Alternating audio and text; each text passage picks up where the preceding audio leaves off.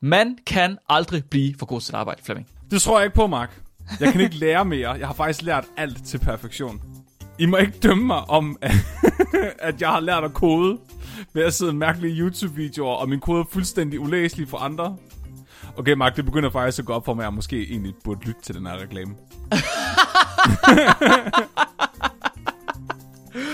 Mark, hvordan, hvordan kan jeg lære at kode rigtigt i Python? Hvis du sidder derude og har det ligesom Flemming, så er du heldig, fordi vi har indgået et samarbejde med Center for Uddannelse på Teknologisk Institut, og de giver lige nu 15% på hundredvis af kurser. Det eneste, du skal gøre, det er at bruge koden podcast15 ved tilmelding. De har flere end 1000 forskellige kurser og uddannelser, og det er både inden for IT, projektledelse, kommunikation, salg, marketing, alt, både fysiske og digitale kurser med varierende grad af specificitet. Så man kan for eksempel lære Python, som Flemming måske kunne tænke sig.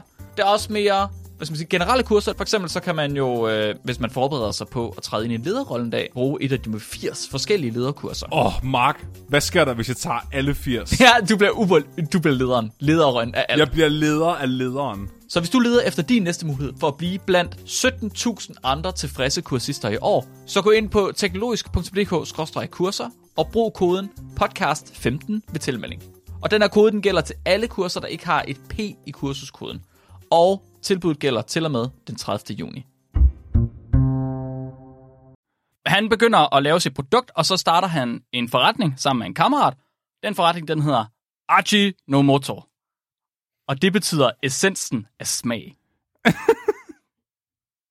De laver Velkommen et... til essensen af smag, hvor du kan købe krydderiet godt. Ja, du kan læse præcis. om det i min artikel. Nyt krydderi. Det er sgu da noget, folk de kan forstå, mand. Mit navn er Mand. Jeg bor i hus. Ja. det, går, det går okay med det her salg. Ja. Det er ikke formidabelt, men det er okay. Han solgte det for penge. Vi bringer en advarsel. Den følgende podcast handler om vanvittig videnskab. Al forskningen, der præsenteres, er 100% ægte og udført af professionelle. Mark og Flemming står ikke til ansvar for eventuelle misforståelser, men minder jeg om, at de altid har ret. Husk at være dumme.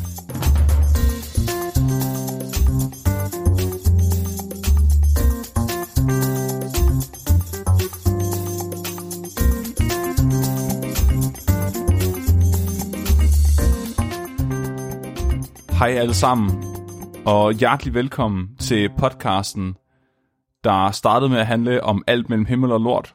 Så blev det en uh, videnskabspodcast, og nu er det podcasten om afskårende tissemænd og høns. Jeg er hønedelen af podcasten, Flemming. Og jeg er the essence of flavor, Mark Lyng. A.k.a. afskårende tissemænd. A.k.a. afskårende tissemænd. Kan du huske en gang, der var en gang, Flemming, hvor at øh, de emner, jeg var kendt for, det var ikke øh, lemlæstelser. Det var, øh, det var mad. Ja. Jeg, ja. Havde sådan, jeg, jeg havde sådan en hobby, sådan en madhobby. Og så kunne jeg godt lide science om mad, og så snakkede jeg tit om det. Ja, om organisk kemi. Ja, ja, præcis. Det er lang tid siden. Det kan jeg vagt men, erindre. Det var som om, det var dengang, vi var i honeymoon-fasen. Men jeg, altså, den fase er, er, den er aldrig forsvundet for mig. Der er bare gået en lille smule i baggrunden, tror jeg. Det var den mark, ligesom, jeg forelskede mig i. Den har ligget øh, og, og luret lidt under overfladen for mig. Det er noget, jeg har gjort i min fritid så at sige. Nu har jeg bare den mark, der sidder og skider med åben dør. Men ikke, ikke længere, Flemming. Det er tid til at få, få, få lavet, givet frisk pus til vores forhold. Ja, uh. Så nu, jeg Vi skal tager være lige... svinger. Er Nikolaj med i dag? Nej, Flemming. Jeg, vil, jeg, tager dig, jeg tager dig på en date til der, hvor vi var på vores første date. Åh, oh, Mark! Du ved. du er så ligesom romantisk. Man gør, ligesom man gør. ja. Du skal, du skal lige, vi skal lære hinanden at kende igen, Flemming. Du skal se mig fra, den rigtige, fra min rigtige side. Du skal se den magt, der godt kan lide mad og organisk kemi. du er så romantisk. Jeg havde bare, puttet, jeg havde bare spejset ting lidt op med en finger i numsen eller sådan noget, tror jeg. Ja, det, det, der er slet ikke i mit følelsesregister, der kan ting. Nej, okay. Jamen sygt nok, Mark. Jeg, øh, jeg er allerede helt øh, klar til at hoppe op i øh, bag, hvad hedder det, bagsmækken på din cabriolet, og så bare køre mod solnedgangen. Yes, det er det, vi skal i dag. Okay, så i dag, der skal vi snakke om MSG, aromat, glutamat, umami Fleming. Aumat, skal vi sådan... Evolutionspsykologi. Kæft, mand. What? Evolutionspsykologi? Hvor kom Var det, det- fra? Var det det, vi var enige om? Evolutionspsykologi, det var psykologiens udgave af Aumat. Jo, men jeg snakker om rigtig aromat, Flemming. Nå, oh, nej, okay. Rigtig aromat. Sådan noget, som min mor, hun hældte på pasta. Så det smagte bedre. 129 afsnit endelig videnskabeligt udfordret, og nu er vi endelig nået til. Ja. Nu begynder det at ligne noget. Nu begynder vi at være der, ikke? Ja, Kært barn har mange Flemming, og kært barn har gennem tiden været pænt udskilt. Hovedpine, forstoppelse, lammelse og det der er værre, Mm. det har alle sammen været rapporteret som symptomer på indtagelsen af den tredje mest anvendte smagsforstærker i verden. Nemlig monosodium glutamat. Hvad? MSG. Ved du, hvad MSG er, Flemming? nej. Er det rigtigt? Var det det, man isolerede børnehaver med førhen? Nej. Wow, hvad? Isoleret børnehave? Nej, nej, det var asbest. Nå, ja, nej. Se, det er sjovt, du, det er sjovt, du skulle lave den kobling der. Ja. Ja, fordi det kommer vi til at snakke om. Vi havde øh, helt tilbage, da vi startede som spækbræt. Det var sikkert afsnit 2 eller sådan noget. Snakkede jeg om kemifobi. Ja. Og jeg var, jeg var et vredt menneske dengang, så jeg var, jeg var vred, da jeg snakkede om kemifobi. Ja, du snakker om Lego-klodser, kan jeg huske. Ja, noget i den stil. Ja. Øh, og et af problemerne med MSG, det er, at det simpelthen har været, det har været stigmatiseret rigtig, rigtig meget, fordi at det har et kemisk navn. Monosodium glutamat, klart nok. Mm. Og øh, for, for folk, der ikke har smagt det måske, så lyder det måske lidt ligesom asbest. Og det betyder også, at det har fået et ry lidt af asbest. Men det, vi skal tale om i dag, det er, er MSG egentlig så farligt, som folketroen den forsøger, os, den forsøger at overbevise os om? Eller er MSG's dårlige ry et produkt af massehysteri og racisme? okay, racisme lige fra. Ja, racisme lige frem. Så i dag, der, som de andre salte. I dag der skal vi tale om molekylet, der revolutionerede den kulinariske verden ved at give os evnen til at beskrive umami. Mark, Ja, umami. Jeg ved godt, hvad umami er. okay.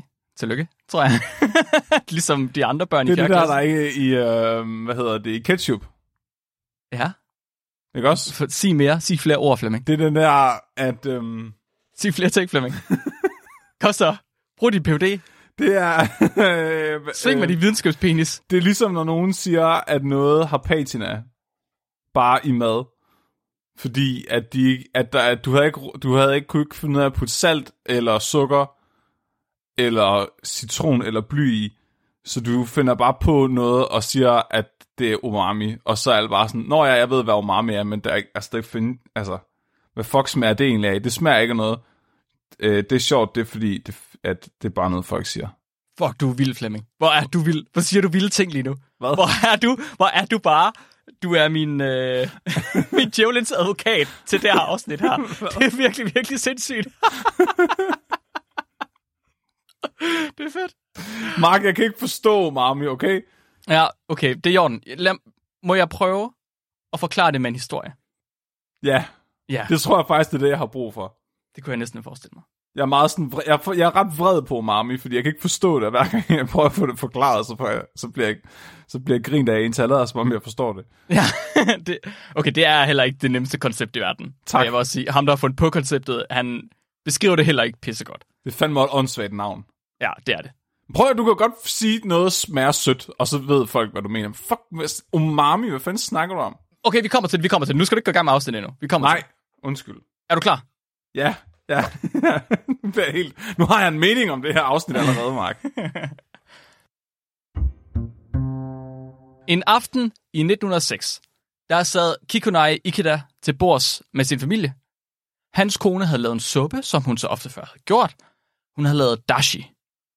Dashi, det er en suppe, der er lavet på kombu, som er en tørret tang, og på bonitoflager, som er tørret fisk. Det lyder fuldstændig ligesom, når mine børn leger det der.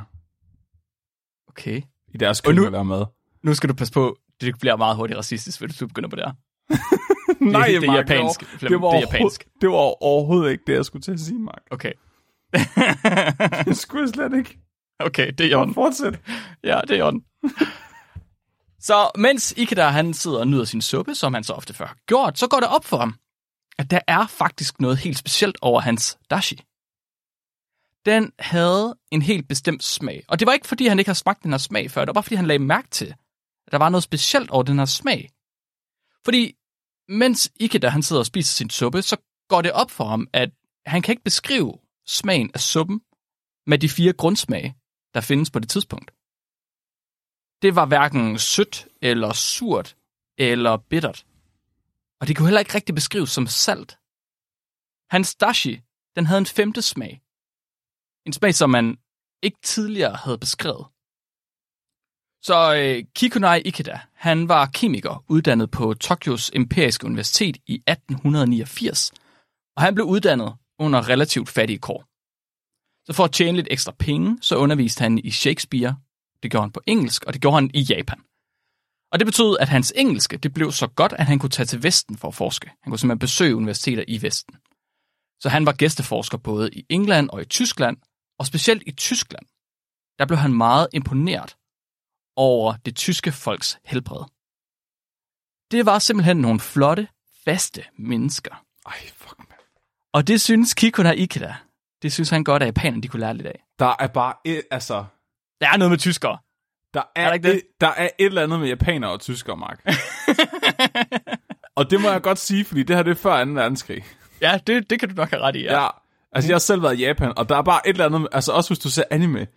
Det er altid Ja. tyske navne, og tyske... Øh, altså, husene er sådan noget tysk arkitektur og sådan noget. Altså, det er virkelig... Og, ja, og, det, og det er overhovedet ikke racistisk, det her, Mark, men jeg tror, der er noget genetisk med det. Oh, genetisk. Jeg tror bare, at de to folkefærd på en eller anden måde har nogle alleller, der bare passer sammen. du ved, det, det er ligesom det der med, at lave piger godt kan lide høje mænd. At de sådan, jeg tror, det er naturen, der prøver at, at udligne. Nå, ja, okay, jeg troede, du mente, det var en form for konvergent evolution, hvor de uafhængigt af hinanden var dukket og kom frem til nogenlunde det samme udgangspunkt.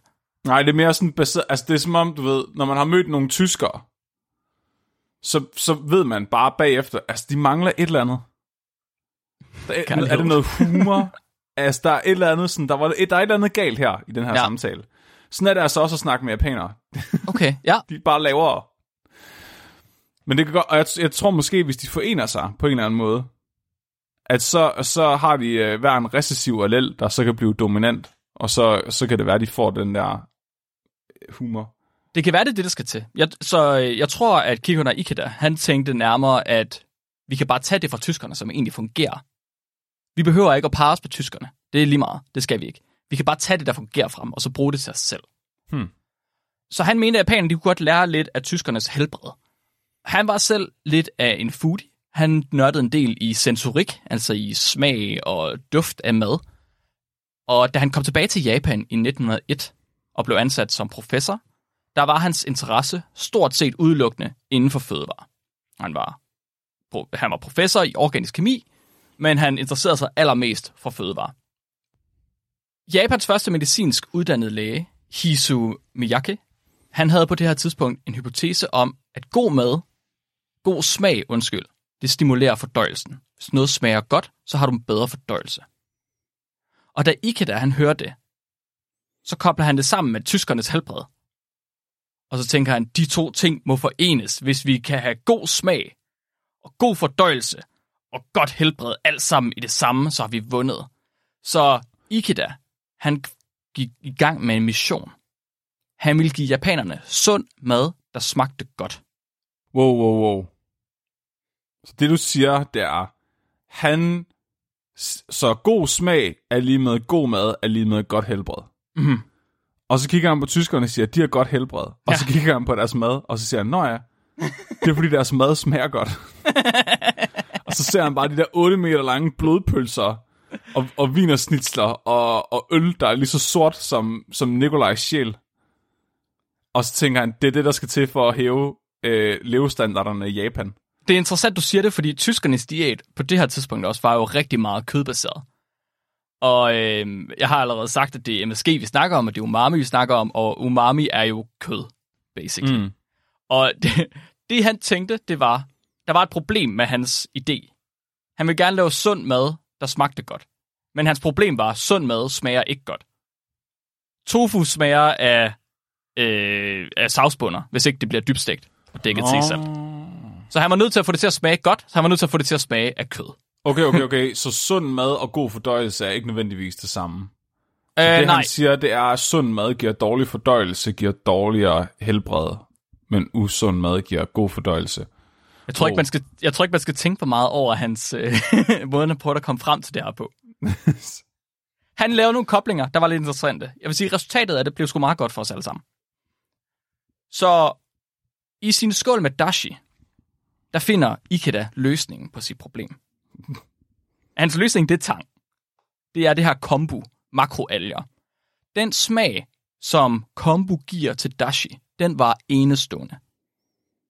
Det var en smag, som han ikke kunne finde. Han kunne godt identificere den i andre fødevarer, men der var bare meget, meget stærk i hans dashi. Og han synes, at den var meget specifik kødagtig. Kød og fisk og svampe. Har han, okay, så han har fundet en makroalge, Mhm. der smager af gris. Men han havde ikke fundet makroalgen. Fordi makroalgen har været brugt til madlavning i Japan i århundreder, sikkert tusinder. Ja.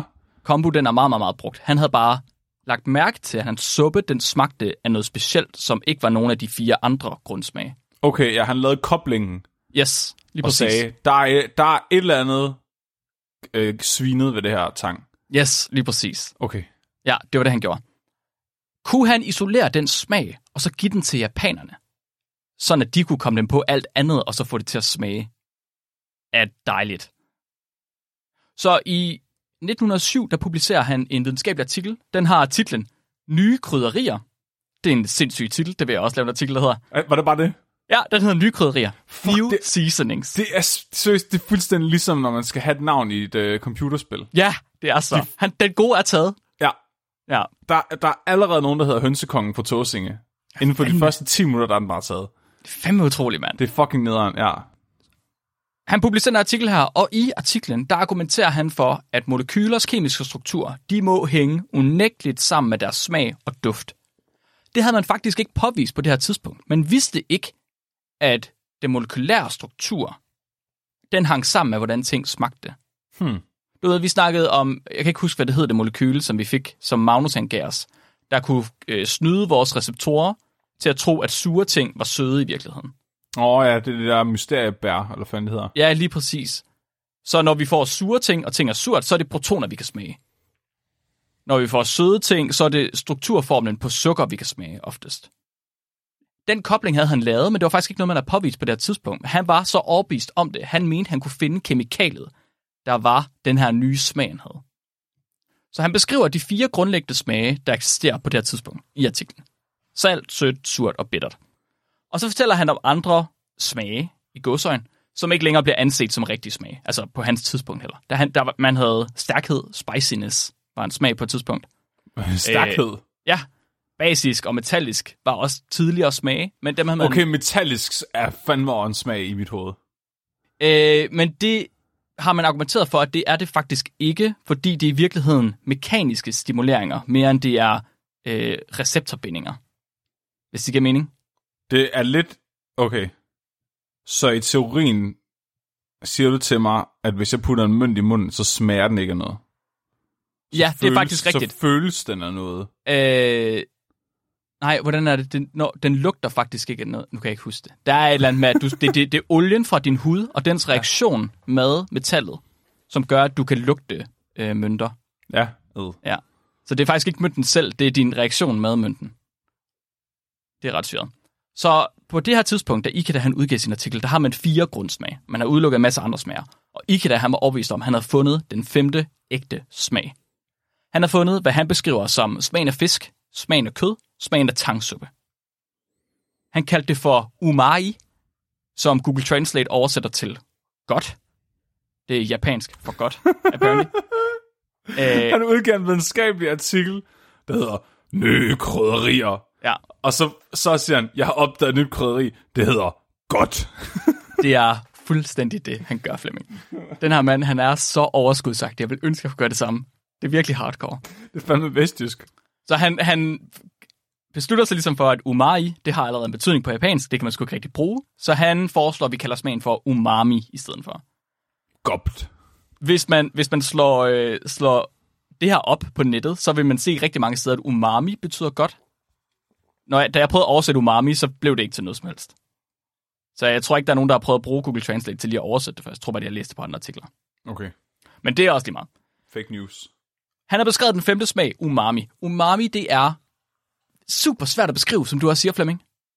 Det er virkelig svært at beskrive. Hvad, hvad forekommer umami meget i? Umami forekommer meget i ost. Fermenteret oste, som alle oste jo er, har sygt meget umami. Tomater skulle have meget umami, er noget, som folk de beskriver. Ketchup. Kød. Ketchup. Det er nok for grund af, at man tilsætter MSG til det, muligvis. Øh. Svampe har meget umami. Det er de her ting, der har meget umami. Hvis man synes, man har, man kan fornemme en femte smag i sin mad, som ikke er salt. Fordi det er oftest den med ligesom, hvad hedder det, Flemming? Jeg prøver lige at smage umami altså. inde i mit hoved. Ja. Hvad har svampe og ost og kød til fælles umami? Mark, Ja. jeg kan ikke lave koblingen. kan ikke, Mark. Måske du smagshandicappet, Flemming. Jeg ved det ikke. Jeg kunne, godt, jeg kunne godt tænke mig til smagen, da jeg ligesom sad og skrev manus til det her afsnit her. Jeg kunne godt tænke mig til, at der var et eller andet. Men jeg ved ikke helt, hvordan jeg skal beskrive det. Det er sådan en fyldighed, men det siger heller ingenting, vel?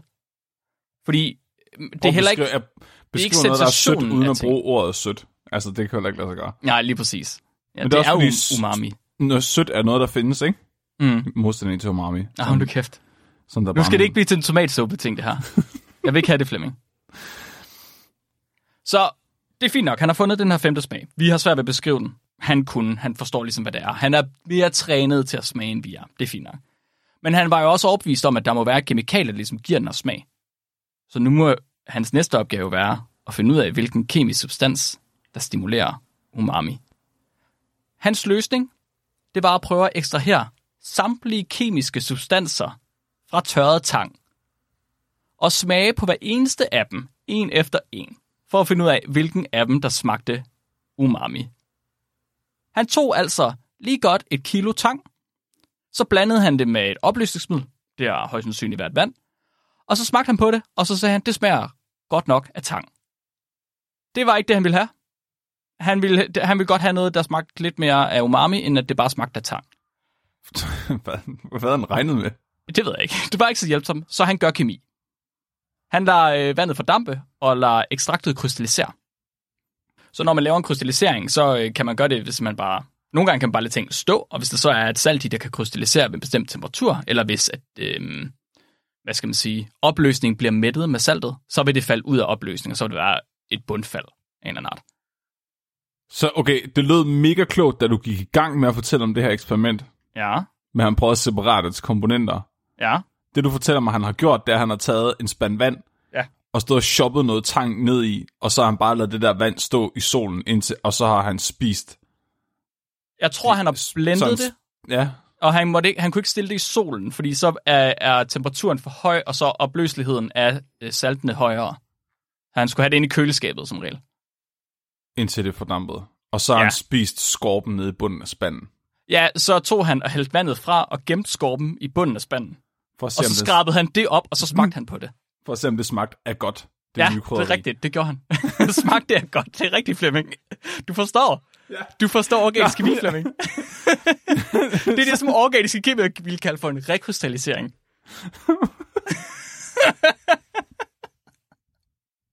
Eller måske bare en krystallisering. Men okay. Så det, det, han prøver på, det er, vi ved ligesom smagen af salt, ikke? Mm. Den har vi i salt. Mm-hmm. Smagen af sød har vi i sukker. Mm-hmm. Så det, han prøver at sige nu, det er, hvordan finder jeg øh, umami på pulverform? Ja, det er Så vi, præcis det, så vi kan putte det i... Øh, så vi kan putte det et lille stykke keramik med huller i og sætte det på spisebordet, så man kan dryste over sin mad. Det er fuldstændig det, han gør. Det er lige præcis det, han vil. Han vil gerne have sådan en umami-bøsse. Er det ikke det, der hedder? Jo, hvis det er en saltbøsse, jo. Gør det ikke det? Jo, jo, men det gør det. Jo, På det gør det. Men jeg har en pose med umami til at stå inde i mit skab Hvad? med krydderier. Hvor har du købt det hen? I Singapore. Har du købt umami i Singapore? Er det ikke Ja, ja. ulovligt? Vi kommer, vi kommer til, hvad det, hvad det er. Det har, jeg har Åh, også nej. sagt det. Men jeg, jeg har købt kemikalier, som han ligesom finder til sidst. Jeg troede, drug trafficking i Singapore var sådan noget, du kunne risikere dødsstraf for. Der er bare en, der blev øh, altså, henrettet for det, da jeg ordnede. For at, at have umami i tasken. Nej, sgu da ikke umami, Flemming. Det er en fucking madvare. Prøv at smule tomatsuppe ud. ja. Han gør, som Flemming han siger. Han tager sit spand med vand og lader lortet bundfælde. Øh, og ud i det bundfald, der får han ud af et kilo tang, godt og vel 200 gram manitol. Manitol er en form for, man kalder det sukkeralkohol. Øh, det bliver faktisk brugt som kunstig sødemiddel, fordi vi ikke kan optage det i vores tarm. Det er rigtig meget. 20% af tang var simpelthen manitol. Hold da op. Ja. Men han smager på manitol. Det smager ikke af godt. Så han fortsætter. Han har stadig noget væsken tilbage, fordi man behøver ikke fordampe al væsken. Det er kun noget af væsken, der skal fordampe, for at man kan krystallisere fra det. Så han har stadig modervæsken, som man kalder det. Øh. Den smager han selvfølgelig lige på. Åh, oh, det var det klammeste, jeg har Modervæsken. Ja, det smager stadig af tang, Flemming. så øh, sådan fortsætter han egentlig bare. Han bliver ved, han krystalliserer, fjerner krystallerne, smager på krystallerne, smager på væsken, og så fortsætter han. Til sidst, så har han en lille bitte smule væske, der ikke længere kan krystallisere. Selv når han tørrer det under vakuum, hvilket ellers er metoden til at få ting til at krystallisere, der ikke vil krystallisere. Hvordan fuck? Det er så opløseligt i vand, han kan ikke få det til at krystallisere. What? Okay. Ja. Nej, han kunne ikke lave Han- salt ud af det. Er godt. Han vil godt lave salt ud af det, der er godt. Ja. Han ved, der er, han ved, der er noget i det, der er godt. Han har ikke fundet det gode endnu. Han ved, det er der i et eller andet sted. Altså et eller andet sted, ikke? Efter man holdt op med... Altså dengang kemikere smagte på alting. Mhm. Det var dengang kemikere fandtes. Ja. Et eller andet Ja. sted. Man er nødt til at ødelægge sin, sin hjernehinde med opløsningsstoffer ved at smage på det. ja, men hvad Eller laver kemikere egentlig i dag, når de ikke smager på ting? Altså det er jo ligesom... Gemmer sig, de gemmer sig bag, hvad hedder det, øhm, Masse spæk. Nå, ja, masse spæk, også det. det er faktisk bare den nye udgave af at smage på ting. Jeg tænker bare, det er ligesom biologer, der ikke følger efter noget. Altså hvad er der tilbage? Det er rigtigt. En skal.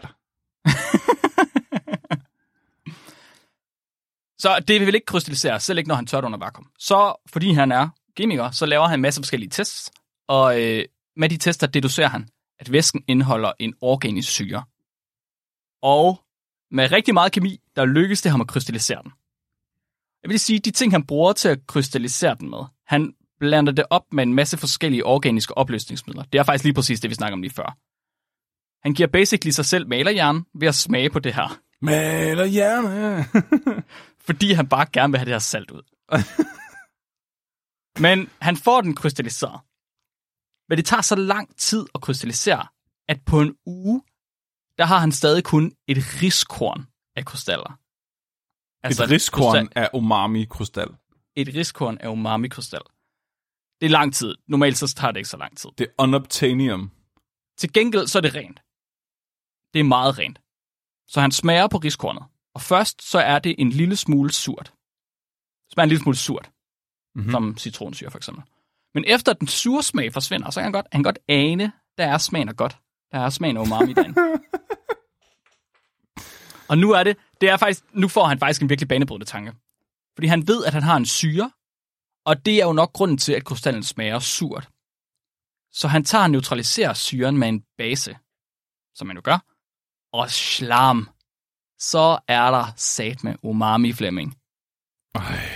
Men det samme, han har, kryst- han har neutraliseret den her syre her med en base, så smager det bare af umami. Så det, som Kikuna Ikeda han har opdaget, det er, at glutamat er årsagen til smagen af umami i tang. Glutamat. Glutamat, Flemming. Du ved, hvad glutamat er. Er det ikke en af aminosyrene? Jo, det er så. Hvad? Hvilken aminosyre, Flemming? Den hedder glutamin. Ah, ikke helt. Jeg kan ikke huske det, Mark. Stop nu. Jeg burde vide det. Jeg skal undervise i proteinkemi lige om lidt. Jeg burde vide det. Ja, så burde du virkelig vide det. Ja. Øh, han har fundet ud af, at glutamat er årsagen til smagen af umami i tang, men jeg har ikke kaldt den kemiske forbindelse for glutamat en eneste gang i vores historie. Jeg har sagt MSG en enkelt gang. Jeg har sagt monosodiumglutamat. Fordi Fordi Ikeda, han ekstraherer ikke glutamat. Han ekstraherer glutaminsyre. Og glutaminsyre, det er en af aminosyrene, som Flemming han også siger. Det er en af de øh, aminosyre, som vores celler bruger til at bygge proteiner af. Den er speciel, fordi den er en syre, den har en sidekæde på, som er sur. Det er der kun to aminosyre, der har, af dem, som vi bruger til at bygge proteiner med. Og det giver nogle ret interessante egenskaber, når den sidder i proteiner. Og de egenskaber, de kommer jo selvfølgelig af, at den gerne vil afgive sin proton, som syre de nu engang gør. Og når den gerne vil afgive sin proton, så betyder det, at den faktisk oftest er at finde som en base i stedet. Altså hvor den har afgivet sin proton. Mm. En base er jo bare en syre uden sin proton. Så glutaminsyre optræder som glutamat, så snart pH-værdien er større end 4. Og det er den i de fleste levende systemer.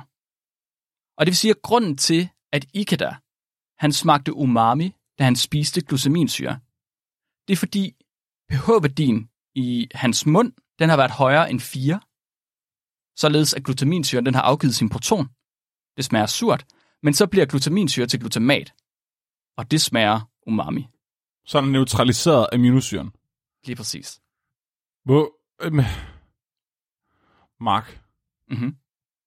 øh, er jeg meget vågen og i at påstå, at glutaminsyre egentlig ikke er særlig altså sådan, svært at fremstille eller sjældent på nogen måde? Nej, overhovedet ikke. Så der, okay, men det var også selvfølgelig også i starten af 1900-tallet her. Det var i starten af 1900-tallet, det her. Ja, Jeg ved ikke, om man på det her tidspunkt har haft en god måde at ekstrahere glutaminsyre på. nej. Altså man kan sige, at han gjorde det fra tang, fordi at han havde smagt umami i sin dashi. Og der var jo tang i. Det var den samme tang, han havde brugt. Ja. Så det var bare hans, hans bedste bud på, hvordan man skulle gøre det. Men han går faktisk øh, han går i gang med at producere med det samme nærmest. Og øh, han ved godt, hvad der er glutamat i. Og han ved også, der er noget mere glutamat i hvede, end der er i tang. Okay. Så hvis han laver ekstraktion fra hvede, så kan han få et meget større udbytte, end han kan fra tang. Mm, smager er ved af umami. Jeg jeg ved, det er ikke umami nødvendigvis, men det er i hvert fald, der er meget gluta- glutaminsyre i. Okay. Det smager Øh, ja. proto-umami. Ja, det kan man sige. Altså så, MSG, monosodium glutamat, det er en stabil version af glutamat, hvor der er blevet til et salt. Ja. Ja. Syre basekemi, 9. klasse, det fortæller os jo, at hvis man blander en syre og en base, så får man vand og et salt. Så det smager... Hvede smager af surt godt. Ja, ikke helt. Ja, øh, vi, skal lige, vi skal lige lidt videre nu. Undskyld, Mark. Så hvis man, hvis man blander glutaminsyre med en base, som for eksempel natriumhydroxid, så stjæler hydroxidgruppen, altså OH-gruppen fra natriumhydroxiden, stjæler glutaminsyrens proton. Så den bliver til glutamat, ikke? Mens at glutamat så danner en ionisk forbindelse med natriumion, så har du monosodium, et natrium, plus glutamat, MSG. Mm. Og det betyder også, at hvis du bruger MSG i køkkenet, så er der nogle situationer, som det ikke virker under. Så start din mad, den er surere end pH 4, så vil glutamat fungere som base, så når den optager en proton og bliver til glutaminsyre igen. Right? Så hvis du putter MSG ned i citronsyre, så vil du aldrig nogensinde kunne få citronsyre til at smage umami. Fordi du vil ikke have glutamat i citronsyren, du vil have glutaminsyre. Er det derfor, man putter citron op i røven på en kylling? Nej. Nej, det er det ikke. Øh, det er for at øh, hvad denaturere proteinerne, så man får mere mørt kød. Det er nok også for smag, i virkeligheden. Men Mark, Ja, citronsyre, lav pH, ja. ødelægger umami i kylling.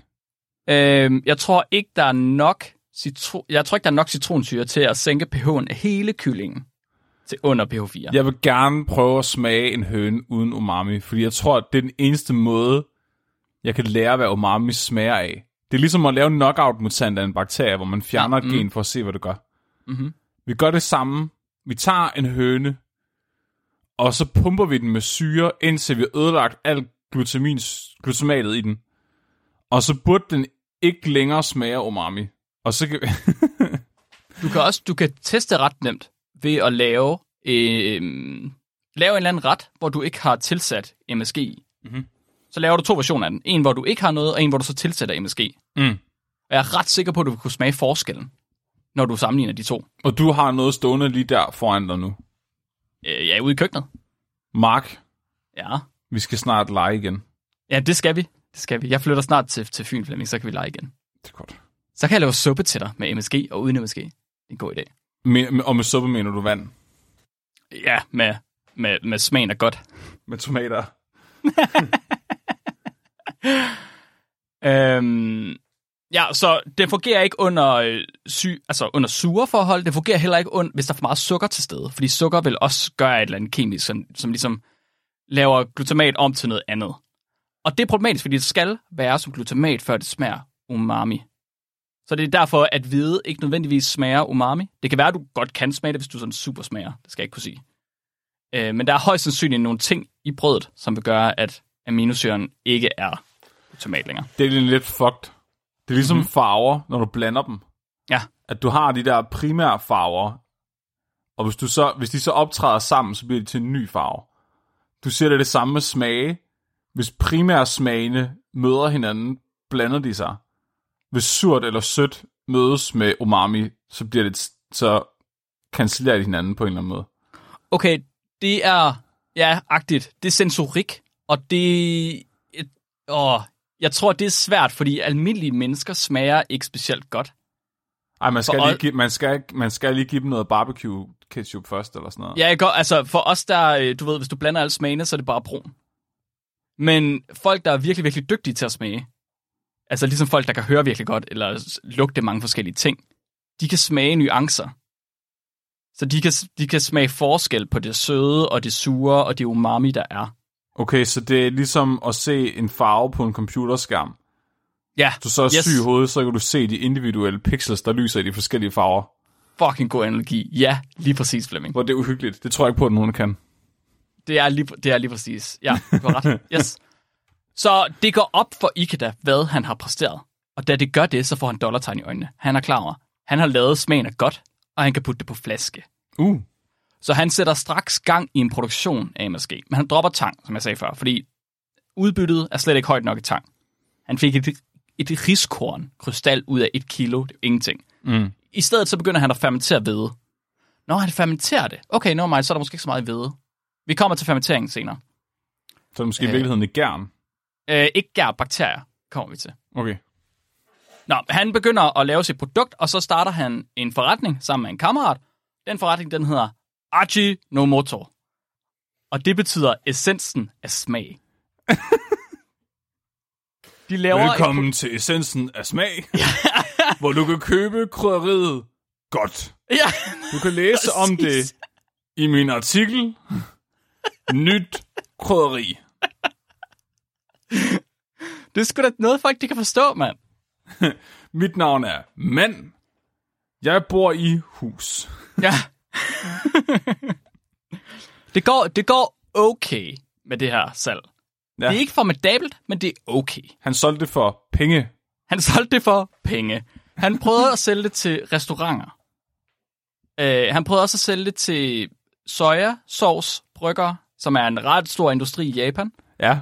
Men hverken restauranterne eller dem, der ligesom øh, fermenterede soja, ville have det, fordi at de så det som utraditionelt, og derved ikke godt nok. Så øhm, han, han er nødt til at skal have lidt hjælp. Han får faktisk hjælp fra den japanske regering.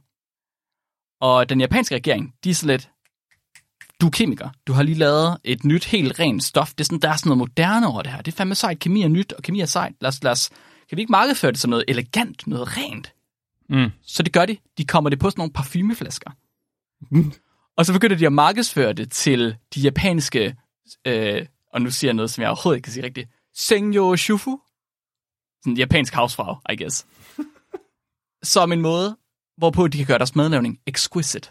Lidt ekstra. Lige lidt pift. Lidt spicy. Umami. Umami, godt. Og det bliver en kæmpe succes. Så MSG i hjemmekøkkenet, det går bare, det stikker af. Folk vil fucking have det. Fordi folk kan smage forskellen. Det kan godt være, at de ikke kan pege på, hvad det er, umami er, men de kan smage forskellen af, når du har det i mad, og når du ikke har. Okay. Ja, Så det, det er okay, hvis man ikke ved, hvad umami smager af. det er okay. Jeg, jeg kommer lige i tanke om, i USA, der plejer de altid at sige, sådan, at deres navn for det øh, er savory. Savory er lidt det ord, de bruger for umami. Hvis det giver mening. Så, Det, jeg ved ikke. øh, hvad betyder det? Nej, fint nok, okay, no, men det er bare, ja, fordi jeg relaterer som regel. Ja, det var mig. Det er lige meget. Din nørd. Undskyld. Vi er gået fra en gut, der har smagt på sin fiskesuppe, sin tangfiskesuppe, til at han smagte rigtig meget på tang, til at han begyndte at sælge saltet, der kom fra tang, som værende krydderiet godt, til japanske havsfrags, der så tog det masser, da Japan begyndte at kolonisere Asien. Nu kommer vi til 2. verdenskrig. USA Ja. har lige lidt deres værste nederlag i hele krigen. Agtigt. Pearl Harbor, det kan nok ja. diskuteres. Pearl Harbor var slem for USA. Det var et stik i hjertet på dem, ikke? Japanerne de kom tidlig søndag morgen og leverede en ordentlig fuckfinger til det amerikanske folk. Og lige pludselig, så havde amerikanerne ikke specielt meget til overs for japanerne. Hvis du skal være i tvivl. Men det havde de til gengæld for kineserne. Fordi kineserne, de havde været under besættelse i et helt årti af japanerne. Og så kiggede amerikanerne over på kineserne, og så er de sådan lidt, ej, har I lige været besat og fået myrdet og tortureret 100.000 vis af familier og venner? Er din bedstefar blevet til, til omtalt som en træstamme ved det her hemmelige forskningscenter, der var, hvor de blev skudt i benet, og så så man, hvad der skete, når man lagde dem ud i sneen? 731. Vi er også blevet angrebet en gang af japanerne. Vi er næsten i samme båd. Jeg fik en splint i fingeren den anden Ja. dag. Jeg Skal kan se, jeg du ikke- har ikke nogen arm. Sku, skulle jeg ikke lige smage nogle af de nudler? Det tror jeg er en god idé. Ej. Så amerikanerne, de, bliver, øh, de, de finder en form for sympati med kineserne. jeg ved ikke, hvad man- skal tænke om det. Om ikke andet, så begynder de i hvert fald at interessere sig mere for en kinesisk kultur. Og der er kommet en del kinesiske øh, immigranter til USA på det her tidspunkt her. De er ligesom flygtet fra Kina, efter Japan de ikke besatte dem mere, fordi de tænkte, jeg vil sgu godt lige prøve noget nyt. Måske jeg skal hen et sted, hvor jeg ikke bliver skudt, øh, uanset hvor jeg går hen. Det var så ærgerligt, de valgte USA. Det kan vi snakke om en anden dag. Om ikke andet, så øh, begynder den kinesiske madlavning og kinesiske restauranter, de begynder at blive meget populære. Så de begynder ligesom at poppe op lidt rundt over det hele. Og selvom kineserne de ikke var specielt vilde med japanerne, så var MSG dog en undtagelse. Mm. Kineserne de havde smagt MSG, da japanerne de havde taget dem med, fordi de var overalt, og japanerne de solgte dem jo som de kunne. Øhm, og det, det kunne de godt lide. Det var ligesom det var kemikalie, der transcenderede krigsrelationer. Det smagte godt. Okay. Krydderiet godt smagte godt. Det kunne ja. De godt lide. Amerikanerne, de begynder så også at smage MSG. Og de kunne faktisk så godt lide MSG, amerikanske producenter, de begyndte at tilføje det til deres egne madvarer. Ah. Uden lige at sige det til nogen, selvfølgelig. Det var Okay. the, secret ingredient, så de tilføjede det Ja. til dåsesupper, til tv-dinners, til militærets rationer. Kemikalie X. kemikalie X. Der er krydderiet godt. Her, Ajinomoto. Nu smager, nu smager dit pap, som om det har været i kontakt med noget, der har været levende engang. Yes, præcis. Tillykke. Alt det var fryd og gammel. Men så kom 1960'erne. Og Rachel Carson, hun udgav sin bog, The Silent Spring, hvor hun gjorde hele verden opmærksom på de farer, der nogle gange var, er ved at bruge syntetiske kemikalier uden omtanke. Hun siger ligesom, det kan være, at vi lige skal tænke os lidt om, inden der vi spreder kemikalier ud over det hele. Der er nogle indikationer på, at det er problematisk. Og øh, det tager øh, offentligheden og pressen, og så siger de, kemi er skidt. Kemi er farligt. Vi skal undgå al kemi. Øhm, så syntetiske kemikalier blev med det samme synonym med alt med en strukturform eller IUPAC-nomenklatur. Alt, der havde en, en form for kemi. Mm. Når jeg siger navnet monosodium glutamat Flemming, lyder det kemisk. Mark, det lyder meget giftigt. Det lyder meget gift. Det lyder meget Der er mono i. Der er mono i. Hvad fanden er det for noget? Fy for satan. Dihydrogen monoxid. Og de er der også i. Nej, det var en anden. Det var, det var vand. Det er også giftigt. Jeg drikker mest bare vand fra vandhanen. Så øhm, monosodium glutamat, det er hverken en strukturform eller korrekt IUPAC, men det er fandme tæt nok på. Og derfor så er det kemi, og derfor så er det farligt, Flemming. Mm. MSG er farligt nu. Lige nu. Lige nu, på det her tidspunkt her. I 1968, der er der en læge, der har været på kinesisk restaurant. Ja. Han hedder Robert Holman Kwok. Og han, han har været på kinesisk restaurant, og så skriver han ind til et tidsskrift for læger. New England Journal of Medicine. Så okay, så der er en robot kok, Ja, og så er Kwok. der en robot kvok. ja, yes, Okay. you're right. Begge to læger. Begge to læger. Ja. Ja. Øh, han skriver ind til et tidsskrift for læger. Han havde lagt mærke til, at han fik altid symptomer i gåsøjne, efter at han havde spist kinesisk. Oh my god, havde han Oh. glutenallergi. My God. Ja, måske, Flemming, måske. Han lagde mærke til, at han fik hjertebanken. Han fik svaghed, som man kalder det, weakness. Og han fik følelsesløshed. Det er meget voldsomt. Det kunne være, at han skulle gå til lægen med det. Var han bare så racistisk, han kunne slet ikke... øh, Det kommer vi til. Øh, Robert Kwok, han var børnelæge, så han var godt klar over, at han var ikke ekspert på kinesisk mad. Så han skriver ind til New England Journal of Medicine, og måneden efter, så var der svar fra 10 andre læger. De havde også fået det dårligt af kinesisk mad. Det, her må, det, det det må næsten, det må næsten være mere et tilfælde, var? Det var den samme restaurant, hvor der var fingernegle i maden. Og så... Det var sygt nok, de her læger her, de skrev ind med enten deres egne historie, eller med deres patienters historie. Og de havde oplevet alle mulige vilde symptomer, ikke? Besvimelser, rygspasmer, svedeture, svimmelhed, overdreven rødme og manglende følelse i kæben. Åh oh, nej, nu kommer Can't der... make this shit up. Det, det bliver sådan en, øh, en, en Justice League ud af 10 forskellige case studies. Ja. det er i hvert fald anekdoter, det hele, det er der ikke tvivl om. Ja, ja. Fordi de er også alle sammen hurtige til lige at komme med deres egne hypoteser. De har jo snakket med nogen, der har gået på kinesisk restaurant. Kan vi Så lige... de, de ved noget. vi bliver, nød, vi bliver nødt til, at det ikke bliver for internt, ligesom at kunne uddybe, hvorfor vi synes, det her det er grotesk, fordi der er, altså, vi har tidligere haft et eksempel med på en, øh, en case study, øh, der er publiceret af nogle danske læger, der handler om, at øh, en kvinde var faldet i søvn efter at have spist øh, noget makrel. Nå ja, det havde jeg glemt. Og så har de publiceret det som et, et medicinsk case study. Og det ja. Er basically, altså, der skal ikke mere til at lave et case study, end at Nej. Du har set, observeret en eller anden mærkeligt.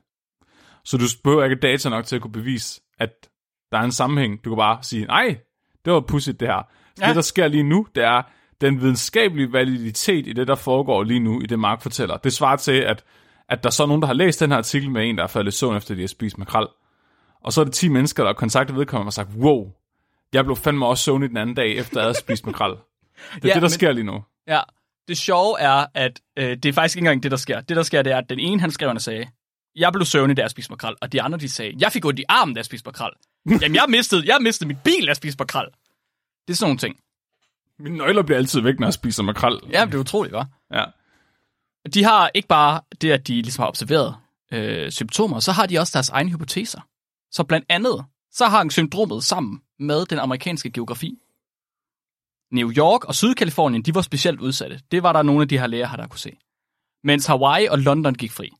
Mm-hmm. Du må ikke spørge mig, hvordan London er amerikansk geografi. Om der er også et London i USA. Nå, godt, så er det den. De har ikke været så kreative med bynavnene. Nej, det er fint. Men, Men- på den anden side, hvis jeg koloniserede et eller andet nyt land, så havde jeg Mm. også bare kaldt det Tåsinge. Ja. Yeah. Det er ikke det nemmeste. Det er det rigtige tåsinge. Det er et godt navn. Ja, det er det. Så de kommer alle sammen med forskellige symptomer. De kommer med deres egne hypoteser på, hvad der er, der sker, og hvordan og hvorledes. Øh, men sjovt nok, så var der ikke en eneste af dem, der havde det samme symptom. Der var ingen overlap i symptomer. Det var alle sammen forskellige symptomer. Så det fandme et farligt kemikalie, hvis det er så alsidigt. Ja, det er det nemlig. Men, og de kunne heller ikke blive enige om, hvad det var, der forårsagede det. Så en læge, han mente, at det var andesovs. En anden... ja. En anden, han sagde, at det var frostede grøntsager. Nogen sagde, at det var sennep, andre sagde, at det var wonton-suppe. Der var endda nogen, der nævnte fugu, altså den her kuglefiskegift. Ja, og den der japansk, det er ikke engang kinesisk. Jamen, ja, det er rigtigt. Altså, det kan være, at de bare koblede det hele lidt sammen. Jeg kan sige, at det var mere rigtigt, hvis det var japansk i virkeligheden. Det var der, måske kom fra jo. Ja. Ja. Øhm, der var sågar en, der mente, at det nok skyldes, at vestlige, de havde svært ved at bruge spisepinde, så når de prøvede, så anstrækte de sig så hårdt, at de så blev følelsesløbet i kæben. At de blev syge af at prøve at bruge de der mærkelige pinde i stedet for gafler. Ja, præcis. Den psykiske smerte vil ikke bare kunne skovle din mad ind i ansigtet, uden at have fin motorik. Som den abe, du er. Men en, det er lidt interessant, Flemming, fordi der er en af de her læger, der specifikt frikender MSG. Han nævner os med MSG med navn og siger, at det kan ikke være det, fordi jeg laver mad med MSG ofte. Og jeg mm. fejler aldrig noget. Så kan det ikke være det. Fint. MSG, det er frikendt, ikke? Med så mange forskellige rapporter i Øst og Vest, fyldt med anekdoter, så er det klart, at ingen nogensinde vil konkludere noget ud fra den her korrespondance. Ikke? Og det er ligesom Flemming han siger. Der er 10 læger, der kommer frem til efter den her makrel-ting her, og så kommer de med deres, alle deres egne symptomer. Og alle de andre, de står og kigger ud på og siger, "Hvad f- okay, slap af. Det kan være, at I skal gå i seng. I lyder trætte. Mm. Skulle man tro. Øh, det er ikke det, der sker. Så øh, selve tidsskriftet, New England Journal of Medicine, de skriver et svar fra redaktionen, hvor de, de er lidt sarkastiske. De prikker lidt til lærerne og siger, haha, det går nok en vild sygdom, var. Sådan, som den kan forårsage alle symptomer i hele verden. Men den almindelige presseflemming, de har ingen humor. de, de, fatter ikke, de fatter ikke forskerjokes. Mark kommer på forsiden af avisen. Ja. Mistede sin bilnøgler kort efter at have spist makrel. Det her er sandheden, de ikke vil fortælle dig. Det her, du er, du er så tæt på, Flemming. Der er delfin i.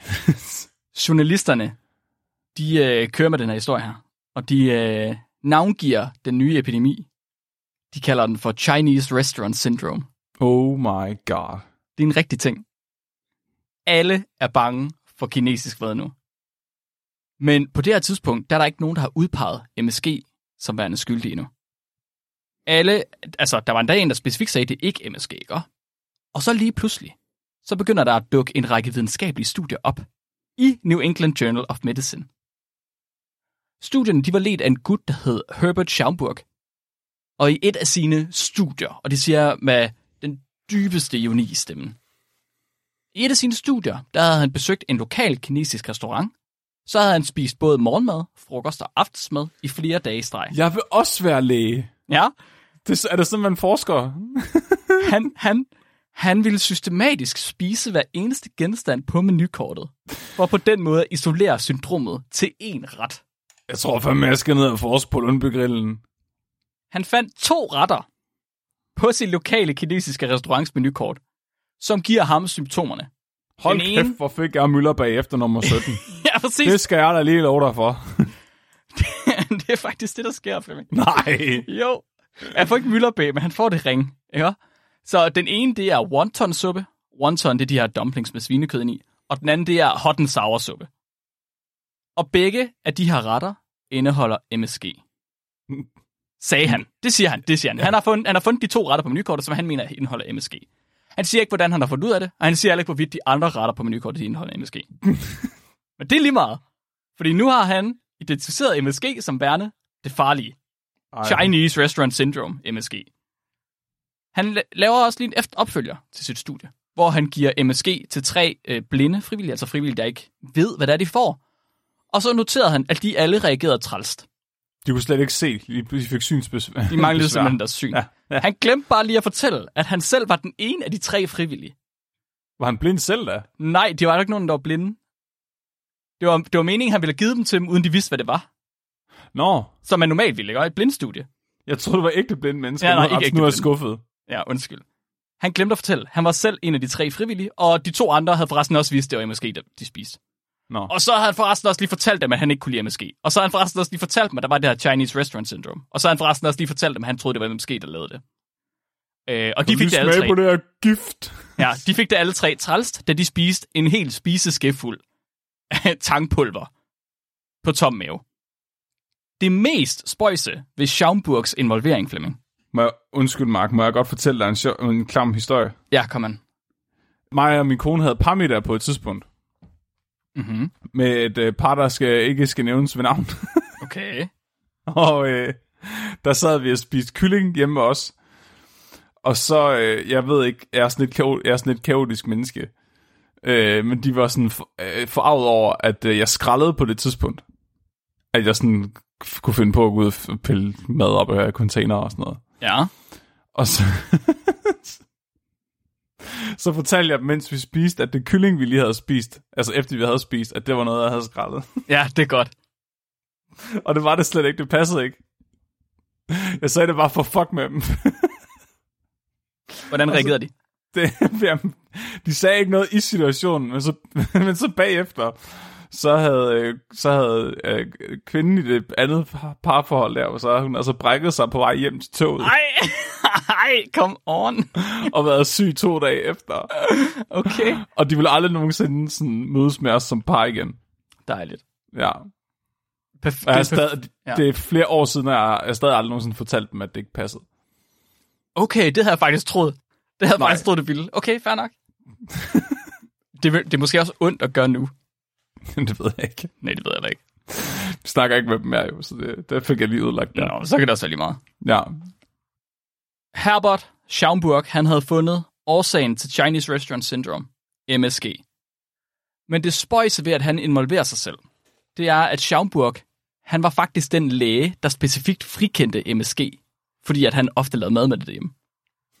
Han har selv skrevet ind, at det kan ikke være MSG, fordi jeg lavede mad med det, og nu var han så åbenbart på heksejagt. Syv måneder senere, der publicerede han flere studier. I et studie, der fandt han seks frivillige, der tidligere havde oplevet et anfald på en kinesisk restaurant. To af dem, dem sendte han tilbage til den samme restaurant, og så satte han dem til at spise wonton-suppe, og så fik de et anfald igen, Flemming. De sidste fire, dem gav han rent MSG, og de fik også et anfald. Okay, nu tager vi tilbage til Flemming og spiser skraldespandskylling Ja. en gang til. Nå, du synes stadigvæk, det er klamt. Okay. Herefter, der udvider de, og så publicerer de et studie med 56 frivillige. De blev alle sammen fodret med ren MSG, og bagefter så skulle de så score tre specifikke symptomer. En brænde, burning sensation, tryk i ansigtet eller smerter i brystet. Læg lige mærke til, at det er tre nye symptomer, som aldrig har været nævnt før. Som åbenbart er blevet standarden for at score MSG-toksicitet. Tilstedeværelsen af et enkelt symptom, det indikerede MSG-forgiftning. 55 af testpersonerne, de udviste symptomer. Kun et par stykker, de havde alle tre symptomer på én gang.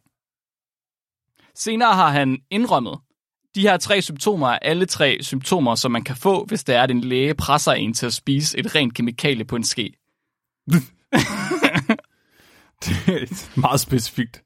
Ja, Det står i lægehåndbogen. ja det gør det nemlig åbenbart.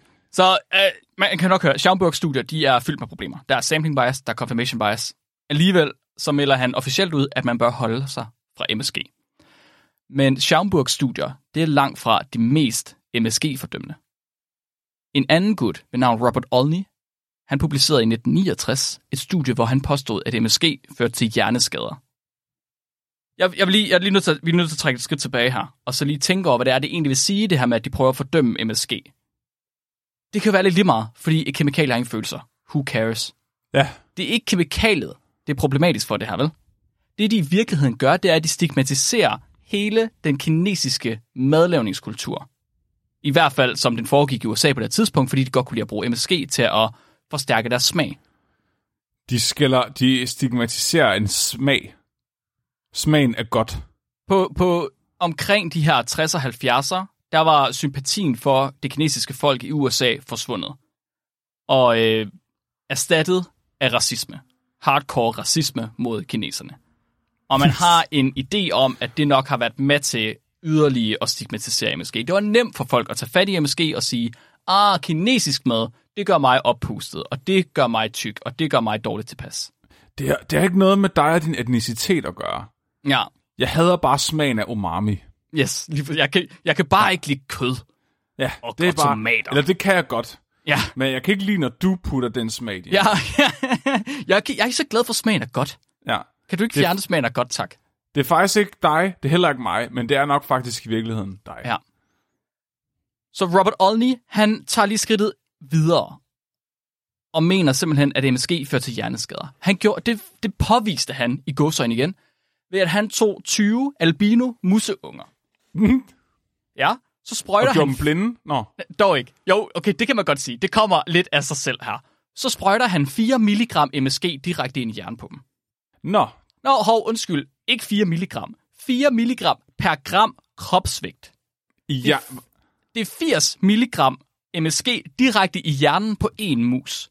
Til sammenligning, der indtager det gennemsnitlige menneske, gennemsnitlige menneske ca. 90 mg om dagen per kilo kropsvægt. De her mus, okay. de vejer 20 gram. ja. Han har givet dem lige så meget, som en menneske får på en dag. Sprøjtet direkte ind i hjernen. Det kan jeg godt se problemet i. Han har givet dem 4.000 mg per kilo kropsvægt direkte ind i hjernen. Det er lidt... mm, Ja, det er et godt tal. Og ved du, hvad der sker? rundt. Ved du, hvad der sker med hjernen på de mus? Nej. Den går sgu i stykker. Nå. Nej, hvem havde troet det? Ej, hvor, ej, hvor farligt. Den gik sgu i stykker, at han puttede alt det her ind i den. Jeg hader, når det sker på en kinesisk restaurant. Ja, det er At simpelthen der kommer træls. sådan en lille bitte kinesisk mand med en kæmpe stor kanyle og spider mig i hjernen, og så dør jeg. Ja, præcis. Det er bare, det sker altid, når jeg prøver at spise kinesisk mad. Han har, så, han har så faktisk ikke, han har ikke kontrolleret for, om skaderne de faktisk skyldes MSG, eller om det i virkeligheden var, fordi han stak forkert. Så han normalt så- negativ kontrol, hvor han bare gjorde det samme med saltvand. Lige præcis, Flemming. Lige præcis. Det gjorde han nemlig ikke. Nå. Så han, han kunne lige så nemt bare have stukket med hjernen, og så rodet lidt rundt, og så var det ødelagt. Mhm. øh, men det er en detalje, ikke? Så han, det er hans første eksperiment. Han ser hjernerne gå i stykker, når jeg sprøjter MSG ind i. Så laver han lige eksperiment nummer to. Der tager han 20 mus mere. Uh, må gætte? Ja. Han puttede MSG ind i en riffel. og så skød han dem i hovedet med MSG'en.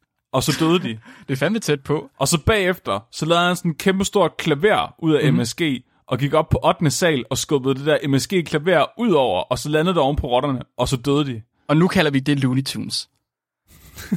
han, han, Og så tog han en kæmpe stor klippe, der var lavet ud af MSG, og så malede han en vej på, og så løb musene lige ind i MSG'en, og så døde de. Ja, du har ret, Flemming. Og derfor så er MSG farlig. Okay.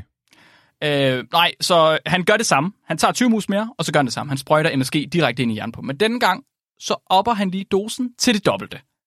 Fordi de døde ikke nok af at, at dø. Nej, de døde ikke nok af at dø. Det, han, han havde faktisk han havde, øh, aflivet dem i det første eksperiment, næsten med det samme, for at se effekten på hjernen. Nu Nå. lå han dem så leve og blive voksne. Han vil godt have, at de led lidt mere. Ja, præcis. Okay, så han, ja. han, Check. han lader dem leve, så observerer han dem, og han beskriver, at musene de blev sterile og overvægtige. De mistede også viljen til at leve, og deres pels blev mindre pæn. Det, det er ligesom at blive 30, når man er menneske. Ja, men det er måske ikke klart nok, når en tredjedel af deres hjernemasse var MSG. Jeg slog, jeg slog massen af musehjerner op. Den er 0,413 gram i gennemsnit. Det er 413 milligram.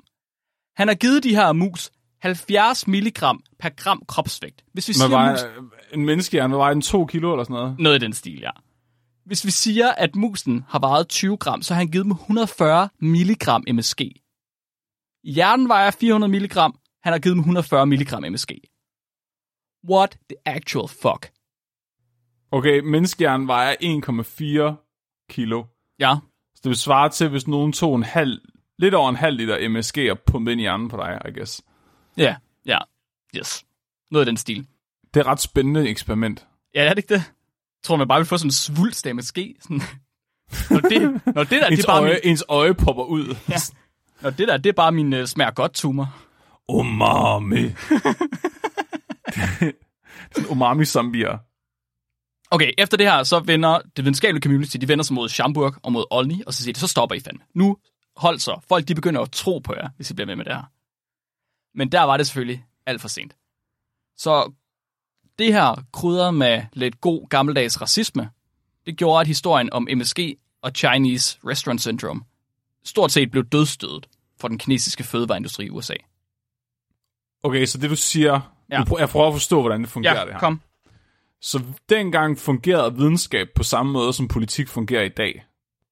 At du kan slippe afsted med at få noget igennem, der er fuldstændig irrationelt, hvis du lige øh, spiller racisme-kortet. I guess.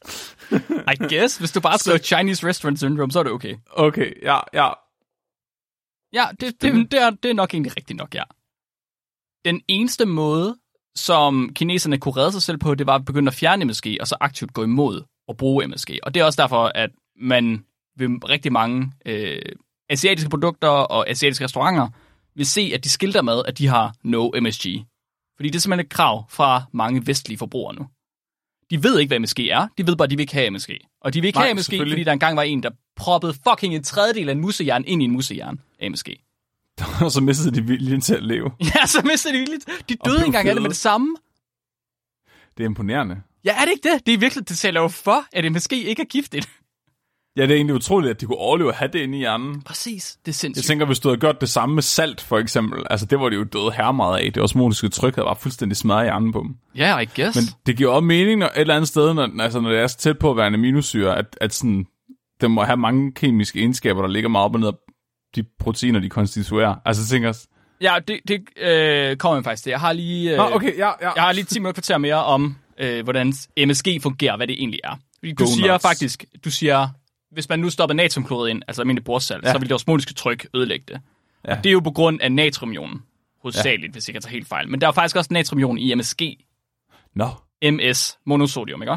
okay. Natrium. Ja, Og så har det, havde, det havde jeg godt lige tænkt over, Mark. Det er rigtigt. Ja. Så øh, det, er faktisk, det vil faktisk være det samme osmotiske tryk, der vil være. Okay, så det er først omkring årtusindskiftet, at frygten for MSG den begynder at dø hen. Men hos rigtig mange mennesker, i Vesten hovedsageligt, der ligger der stadig en eller anden bekymring at nære, når man ser MSG på en ingrediensliste. Hvad er det? Det er sjovt, fordi der, min mor, hun brugte aromat rigtig meget, da vi var små, fordi det smagte Ja. ja. godt. Aromat smager godt. Aromat, det er øh, salt og løgpulver og MSG. Nej, Jo, jeg er ret sikker på, at der står monosodiumglutamat om bagpå. men aromat er også rart. Aromat, det smager godt. Aromat er øh, godt krydderi. Jeg har skældt ud, fordi jeg selv havde sådan en, uh nej, kemi og syntetisk og sådan noget, men mm, det fungerer jo fint. Altså, Det er også smart, fordi du kan putte det på alting. så det mest ironiske, synes jeg, det er, at MSG, det er lige så naturligt som ost. Folk, de skiller det ud, fordi det er syntetisk og kunstigt. Men MSG er lige så naturligt som ost. Du var inde på det lige før, da vi skulle til at snakke om fermentering. Fordi det bliver produceret ved fermentering i dag. Og det gjorde det så måske også endda af øh, Kikuna Ikeda. Så i dag, der producerer man MSG ved fermentering. Det er i virkeligheden så dansk et princip, som det overhovedet kan være. Fordi Danmark er virkelig, virkelig glad for fermentering. Det er jo altså Novos levebrød. Så øh, det er en bakterie, der laver det. Den hedder Corynebacterium glutamicum. Og den omdanner glukose til glutaminsyre. Den er det samme for glutamat, som mælkesyrebakterier er for mælk. Hmm. Så den kan fermentere på en række substrater. Palmeaffald er fyldt med glu- glukose eller sukrose. Kassa, øh, kassaverod, en sydamerikansk øh, rod, er også fyldt med stivelse, der kan nedbrydes til glukose. Okay. Sukkerstokke, dadler osv. Sukkerrod det- er god i Danmark. Det er en bakt- genmodificeret bakterie, der kan lave eksotisk haveaffald om til aromat. Ikke genmodificeret. Den er naturlig. Okay, det er også ret, det er vildt nok, at der er en evolutionær niche til det. Yes, lige præcis. At naturen bare har været sådan, på et eller andet tidspunkt, så kommer der nogle aber, der Yes. virkelig gerne vil have aromat. Det er, det er, det er målet med din, med din, med din eksistens, bakterie. Yes, lige præcis. Det, altså, når den laver glutamat, så er det det samme som, at mælkesyrebakterien laver yoghurt. Det er bare markedsføring, der har været forskellig. Og det er, at man kalder den for MSG. Jeg tror, at navnet MSG er et af de store problemer ved MSG. Den hedder noget, som folk er sådan lidt, hvorfor hedder det en forkortelse, og hvorfor, når vi så siger forkortelsen, er det kemisk? Det kan jeg ikke lide. Nej. Fordi det, at man kalder produktet for MSG, det er lidt det samme som at kalde borsalt for jodfortificeret natriumklorid. Jeg skulle lige til at sige, at det er også dumt, fordi han har valgt at kalde det krydret godt. Stadig Han- forkert. Jamen, han kaldte det jo faktisk Ajinomoto. Hans produkt hed Ajinomoto, som er essensen Okay. af smag. Men, men på den anden side, essensen af smag. Ja, Der er men på den anden side, altså vi kalder jo, s- altså det krydderi, der har smagen af salt, hedder salt. Ja. Og den, Ja, det går, rigtigt. den går alligevel jo. skulle man så sige, umami skulle hedde, så skulle MSG hedde umami? Jamen, det er måske lidt. Ja, Ja, måske det, skulle bare hedde godt. sukker hedder jo heller ikke sødt. Det kunne det godt. Det kunne det godt. Hvem ved om 50 år? Hmm. Ja, I Skal du guess. have noget sødt, min skat? Jeg tror helt sikkert også, det der med, at man ikke rigtig kan forklare, hvad umami er, det har også været lidt problematisk. Fordi så kan du sige, MSG er umami, og så får sådan et, ja, hvad så? Det ved jeg ikke hvad. Det skal jeg ikke have noget af. Sådan har jeg det stadigvæk en lille smule. Ja, det kan jeg godt forestille mig. Øhm, Men så når man har... nu siger du til mig, at det er i aromat, Mark. Det er aromat. Det er aromat. Men, men det er lige meget. Det, det er lige meget, det er aromat, fordi MSG er aldrig nogensinde MSG i din krop. Så snart det rører din tunge, det er så vandopløseligt, at så snart det rører din tunge, så springer natriumionen fra, og så er det glutamat. Glutamat er aminosyre. Du har aminosyre overalt hele tiden. Altså det er... Ja, jeg, jeg kan ikke... Jeg kan nærmest ikke understrege, hvor, hvor naturligt det er et trælsord for mig at bruge. Det er Det- ligesom at spise noget kød. Ja, det er ligesom at spise Det er noget også kød. bare lavet ud af proteiner, som er lavet ud af aminosyre. Præcis. Det er ligesom at tage en håndfuld Lego-klodser og smide ned i kassen med Lego-klodser. Men en ting, jeg ikke har gjort nu, Flemming, det er, at jeg har Ja. faktisk ikke... Jeg har ikke sagt, jeg har ikke givet noget evidens for, at det ikke er farligt. Vi har kun haft evidens for, at det er farligt, men Altså jeg vil sige, for at mus skal overleve og få pumpet en tredjedel af deres hjernes masse af det ind, er det ikke, er det ikke bevis for, at det ikke er farligt? der er lidt et andet problem ved det studie, og det er, som du også sagde, det er pisseirriterende, når det sker på kinesisk restaurant. Der er jo ingen, der fucking får stukket MSG direkte ind i hjernen, vel? Vi spiser det med vores mund. Og får det ned i vores mause, og får det ned i vores tarm, hvor det så bliver optaget. Altså jeg, jeg, har mød, jeg tror, jeg har mødt en langlænder eller to, der har sniffet aromat. Jamen, det kan godt være. Og det tror jeg, de blev mere påvirket af det på lang sigt, end musen gjorde. Det kunne jeg også godt forestille mig. Ja, men de var også langlænder. Så øhm, heldigvis så har man, der er nogen, der ligesom kigget på, på Schaumburgs og øh, Olney's resultater, eller studier, og så er det sådan lidt, okay, vi er nødt til at lave noget rigtig forskning, der kan vise, om MSG faktisk er problematisk i større mængder. Der er masser af ting, som er naturlige, som også er problematisk i større mængder. Du ved, dosen gør øh, giftstoffet, ikke? Mm. Koncentrationen, der bestemmer, om det er gift eller ej. Så lad os glemme Schaumburg og Olney, de var tosser med kitler på. Der findes robuste studier, der faktisk har undersøgt MSG's effekt i mennesker med en høj integritet. Først og fremmest, så er der studier, der har fundet ud af, hvor meget glutamat indtager vi i løbet af dagen. Både fra øh, tilsætningsstoffer som MSG, men også fra proteinkilder og fra plantekilder, alle sådan nogle ting. Og glutamat fra MSG, det svarer cirka til 2-5% af vores samlede glutamatindhold, eller indtag, undskyld. Alt efter hvilken diæt man har. Okay. Det mere fast food, man spiser, det mere MSG indtager man. Eller det mere ja. ens glutamat af MSG. Fordi McDonald's og fastfood-producenter, de elsker at bruge det. Fordi det mm. smager bare af fastfood. Så, ja, det, det, det, det, det, det er sådan, smagen af pap og MSG, det er McDonald's. Yes, lige præcis. 90% af alt indtaget glutamat, om det så kommer fra proteiner eller fra MSG, det bliver metaboliseret i vores fordøjelsessystem og optaget af vores celler. Det kommer aldrig nogensinde, ved, ved, ved indtag af en almindelig diæt, der kommer der aldrig et spike i blodkoncentration af glutamat. Det gør der jo, når vi indtager almindelig mad, så kommer der jo et spike i vores blodsukkerkoncentration. Ja. Så det kan vi jo se, alle der har prøvet at tage blodsukker efter de har spist, så kan de sige, uh, bup, så ryger blodsukkeret op, fordi at stivelsen ja. bliver nedbrydet, og der kommer noget sukker ud i blodet. Men glutamat når aldrig ud i blodet. Det bliver optaget af cellerne i tarmen. Om, nom, nom, nom, nom. Og det betyder faktisk, hvis det ikke kommer ud i blodet, så kan det heller ikke komme op til hjernen. Og det kan heller ikke komme ned til livmoren, som der var nogen, der var bange for, fordi de her mus, de blev sterile, dem der blev sprøjtet med det ind i hjernen. Men selv hvis det gjorde, ville det så ikke gøre lige meget? Øh, så det har man også testet. Og man kan se, at glutamat kan ikke komme over blod-hjernebarrieren, så det vil sige, at det kan ikke komme ind i selve hjernen. Så det er kun farligt, hvis der står en lille kinesisk mand med en meget stor tegnefilmskanyle og stikker det ind i hovedet på dig? Ja, man har prøvet, øhm, man har prøvet mange forskellige typer af studier, hvor man har givet glutamat på forskellige måder, enten som almindelig mad eller som MSG i ren form. Og man kan se, at det er kun, hvis man giver MSG i ren form, i almindelige doser, ikke de her 4.000 gram kilo. I almindelige doser, som svarer til et måltid, ja.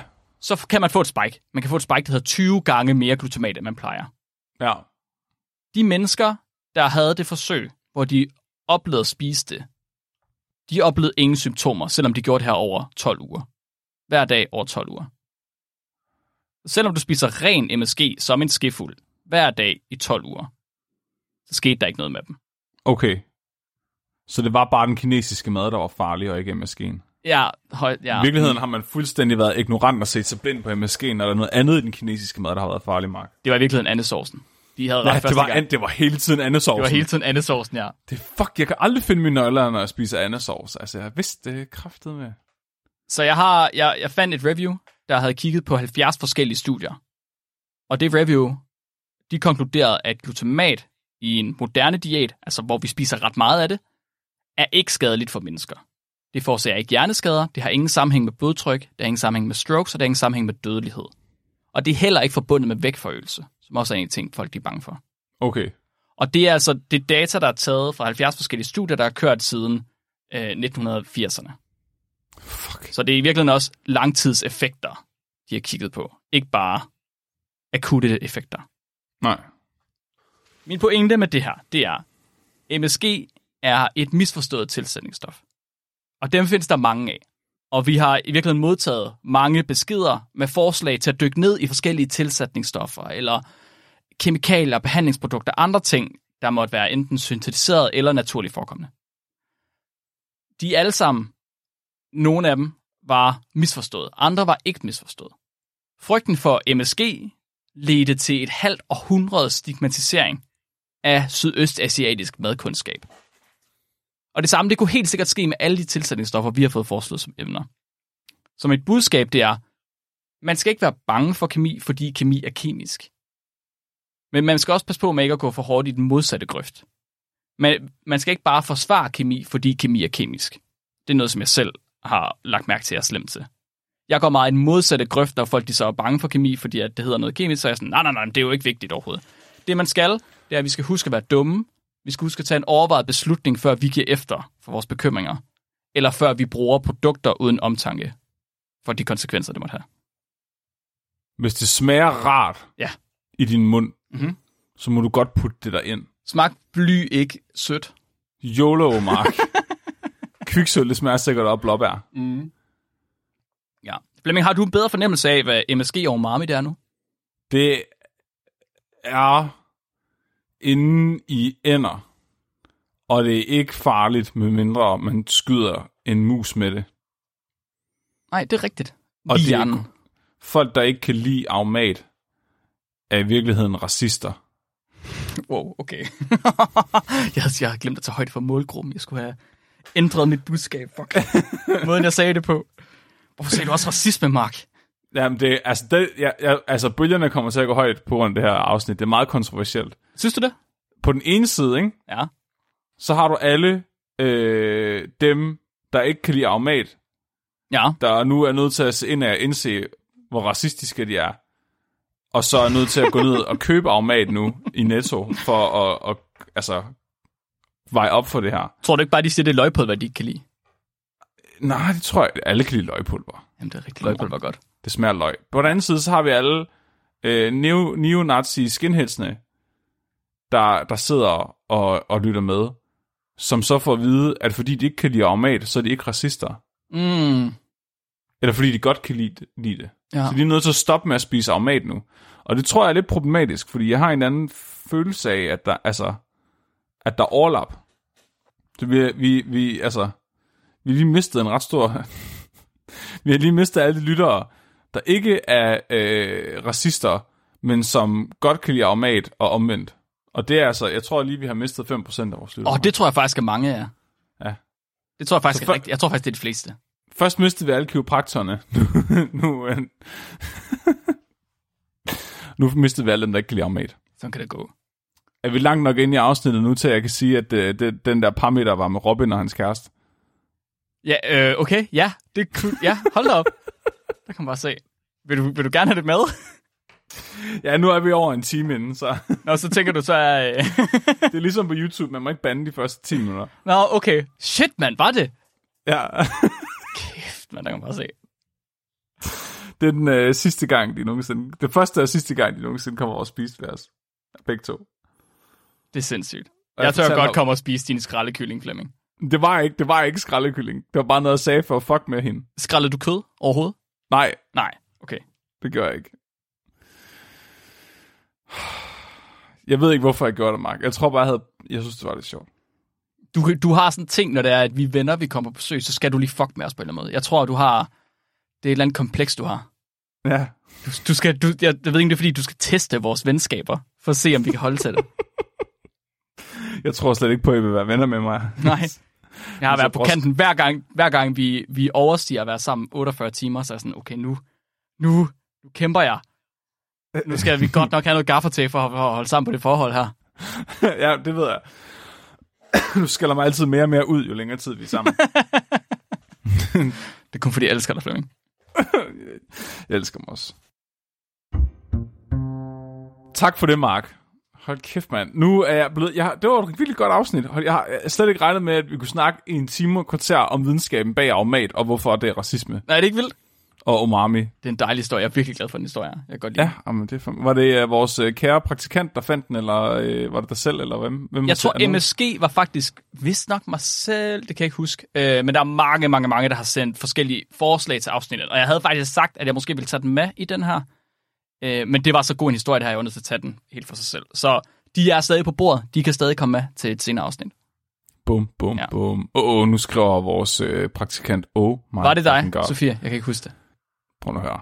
Det er næsten værre, end den gang, jeg ikke gik lige forbi hende, og ikke vidste, det var hende. Okay, racisme-delen. Den kommer sgu da med. Som, som, okay, fint nok. Ja, okay. Sofia havde også, Sofia havde også en finger med i spillet. Tak, Sofia. Tak, fordi du hjælper os. Det er dejligt. Det var bare at se, hvordan vi behandler vores praktikanter. Ja, rigtig pænt. Godt. Cool. Har vi tid til et lytterspørgsmål? Ja, har vi ikke det? Lad os gøre det. Sabrina, hun skriver ind. Hvorfor antager vi, og det er Sabrina Krighår, hvorfor antager vi, at liv i rummet er kulstofbaseret? Det er et godt spørgsmål. Det havde vi faktisk, og okay, lang tid siden. Det var et Robin-afsnit, hvor Robin han snakkede om, at vi faktisk har nogle antagelser om liv i rummet, der gør, at vi nok er, øh, vi får bias til rent faktisk at finde liv i rummet. Der er nogle argumenter, som jeg ikke forstår. Jeg er ikke klog nok til at forstå dem. For hvorfor det er, vi leder efter øh, de molekyler, vi har her. Jeg tror faktisk også, Robin han snakker om det. Jeg t- okay, har du nogensinde leget med de der Lego-klodser, der er ligesom kemikalier i, kim- i Ja, folkeskolen? ja, ja, ja, ja. Hvor der er de der dutter med huller i? Ja, molekyle et sæt. Det er mega, kulstof er fucking smart, fordi der er fire huller til at putte dutter i. Ja. Så du kan bygge mega meget med dem. Er der ikke også... Nej, det er der ikke i nitrogen. Det er du ret i. Nej, Nej. det er der faktisk ikke. Men det der er vist, i silikone er der også fire huller i. Og det er rigtigt, ja. Så det er derfor, der er nogen, der siger, faktisk så kunne man også godt have det silikonbaseret. Fuck, du er så klog, Flemming. Jeg tror, det er derfor. Fordi jeg tror, det er her svært, når man sidder og leger med de der, og bygge noget der... Altså, du kan ikke lave en hund ud af dem, hvis du ikke har en, der er fire huller i. Fordi så har du ikke plads til hundens ben, og dens hals og dens krop. Så hvis, og hvis du ikke kan lave en hund ud af Lego-klodserne, så kan du heller ikke lave et menneske. Du har ret. Du er klog, Flemming. Du har virkelig ret. Hvorfor... Okay. Er det ikke Skal- derfor? Skal det så være vand, der fungerer som opløsningsmiddel for vores celler, eller ikke som, altså som til at omslutte vores celler? Nu har vi snakket om, hvorfor skal der være kulstof i levende ting, men vi skal også bruge vand. Jeg tror, vand... Vand er... s- Du snakkede faktisk om det, da vi havde vores afsnit om vand. Der Ja. sagde du, at vand var skidesmart, fordi at vand, det bundfryser ikke. Right? Vand, det fryser på toppen. Fordi Ja, ja, at så- is er lettere end, end øh, flydende vand. Ja, så hvis noget fryser, øh, så kan det overleve under isen. Ja, præcis. Men også fordi, at vand var polært, og vores celler er upolære. Så derfor kan du ikke opløse vores celler med vand. Ja. Og det var smart. Den kunne jeg godt lide, den teori. Så er spørgsmålet bare, har vi andre, vi har også andre opløsningsmidler, der er, der er polære, men så fry, så er det faste, den faste form nok tungere end den flydende form. Men det vil nok heller... Altså, det gør jo ikke noget, hvis, du, hvis temperatursvingningerne på planeten ikke gør, at det skifter mellem fast og flydende form. Nej, det er selvfølgelig rigtigt. Hvis det bare forbliver på flydende form altid, så gør det ikke noget. Ja, det er rigtigt. Det kan godt Det lide. kunne, det kunne godt være... Altså, jeg har jo lige set... øh, Jeg var ude, der var ude skide den anden dag. Ja, Øh, så så jeg lige traileren for den nye Barbie-film. Og det, det tænker jeg, det er jo en, altså, det er jo en silikonbaseret livsform på en anden planet. silikon, ikke silikone, Flemming. Hvad? Silikon. Nej, det hedder silikone. Nej, ja, nej. altså, Barbie hedder sil- Barbie er silikone. Ja. Ja. Jeg tror ikke, det er silikone, de mener, når de siger det. Jeg tror ikke, de regner med, at der bare er store silikonepatter på de der planeter. Så har jeg virkelig misforstået noget. Så Ja, du siger, okay. det er grundstoffet, at jeg taler om i stedet for. Det var, ja, det er nok det, du skulle tale om. Altså, sil- silikone indeholder silikon. Men Mark, Ja. okay så. Nu er jeg meget skuffet. Jeg troede, at, ba- at, at falske babser var et grundstof. Fuck, det burde det være. Det er det ikke. Nej, det er det ikke, desværre. det er en sammensætning af grundstoffer. Det er godt nok kedeligt. Jeg har det ligesom i 7. klasse, der lagt hånden op og spurgte, om træ var et grundstof. Det, hvorfor, hvorfor har alle har gjort sådan noget? Alle har stillet sådan nogle virkelig dumme spørgsmål, som de godt ved er dumme. Men man er bare nødt til at prøve, ikke? Jamen, det er også rigtigt. Det er ligesom at, Træ er ikke, grund, træ er ikke grundstof, Flemming. Nej, nej, det fandt, det fandt jeg ud af. Okay, godt. Ja, Mark, tak for spørgsmålet, Sabrina. Det var godt ja spørgsmål. tusind tak, Sabrina. Det var et godt spørgsmål. Mark Lyng. Mhm. Mm-hmm. Næste uges afsnit skal handle om bakterier. Har du hørt om bakterier? Hvad for noget? Det er sådan nogle, man ikke kan se. Nå. Der er yoghurt. Og de har følelser. Vi skal tale om dem. Vi skal tale om, hvorfor de er fucking seje næste gang. Ja. Næste uges afsnit bliver min kærlighedserklæring til bakterier. Sådan. Det bliver virkelig erotisk. Jeg kan også godt lide bakterier. Det bliver triple erotisk. Uh, Det bliver, det bliver, det bliver hårdt. Det bliver blødt. Det bliver umami i dine ører. det glæder jeg mig til. Det bliver godt. Smagen er godt i mine ører. Det er dejligt. Er du klar til en dyrefakt? Jeg er så klar til en dyreffekt. Tyson har skrevet ind, øh, der findes en blæksprutte, som kan få sin skygge til at forsvinde. Wow, wow, wow, what? Hvordan det? Prøv Mark. Har vi nogensinde fact-checket eller researchet en dyrefakt? Jeg gjorde det en gang men så hold det op. Vi stoler blindt på det, Thijs han siger. I, har, I er sgu så dygtige, lytter. Et eller andet sted, hvis du sprøjter blæk ud over det hele, så er din skygge jo i teorien væk. Teknisk set. Teknisk set, ja. Juridisk set, hvis du laver noget foran dig, der har en større skygge end din egen, så forsvinder din skygge. Mm-hmm. Oh ja, yeah. jeg er med på den. Jeg er Flemming. Og mit navn, det er Mark. Du er blevet videnskabeligt udfordret. Husk at være dum.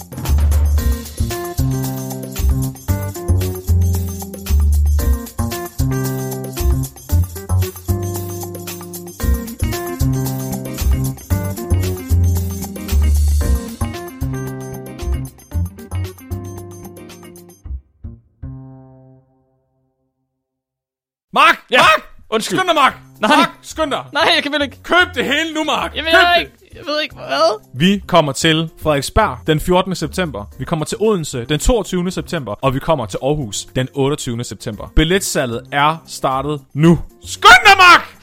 Nå, nej, du skal med. Du behøver ikke købe billet. Gør jeg ikke? Nej, du må godt, prøv at, du må godt komme med, men så skal du også klappe, når jeg spiller harmonika. Det lover jeg. Jeg lover, Ja. Flemming, jeg lover. Belag, belager haves, så længe vi er billetter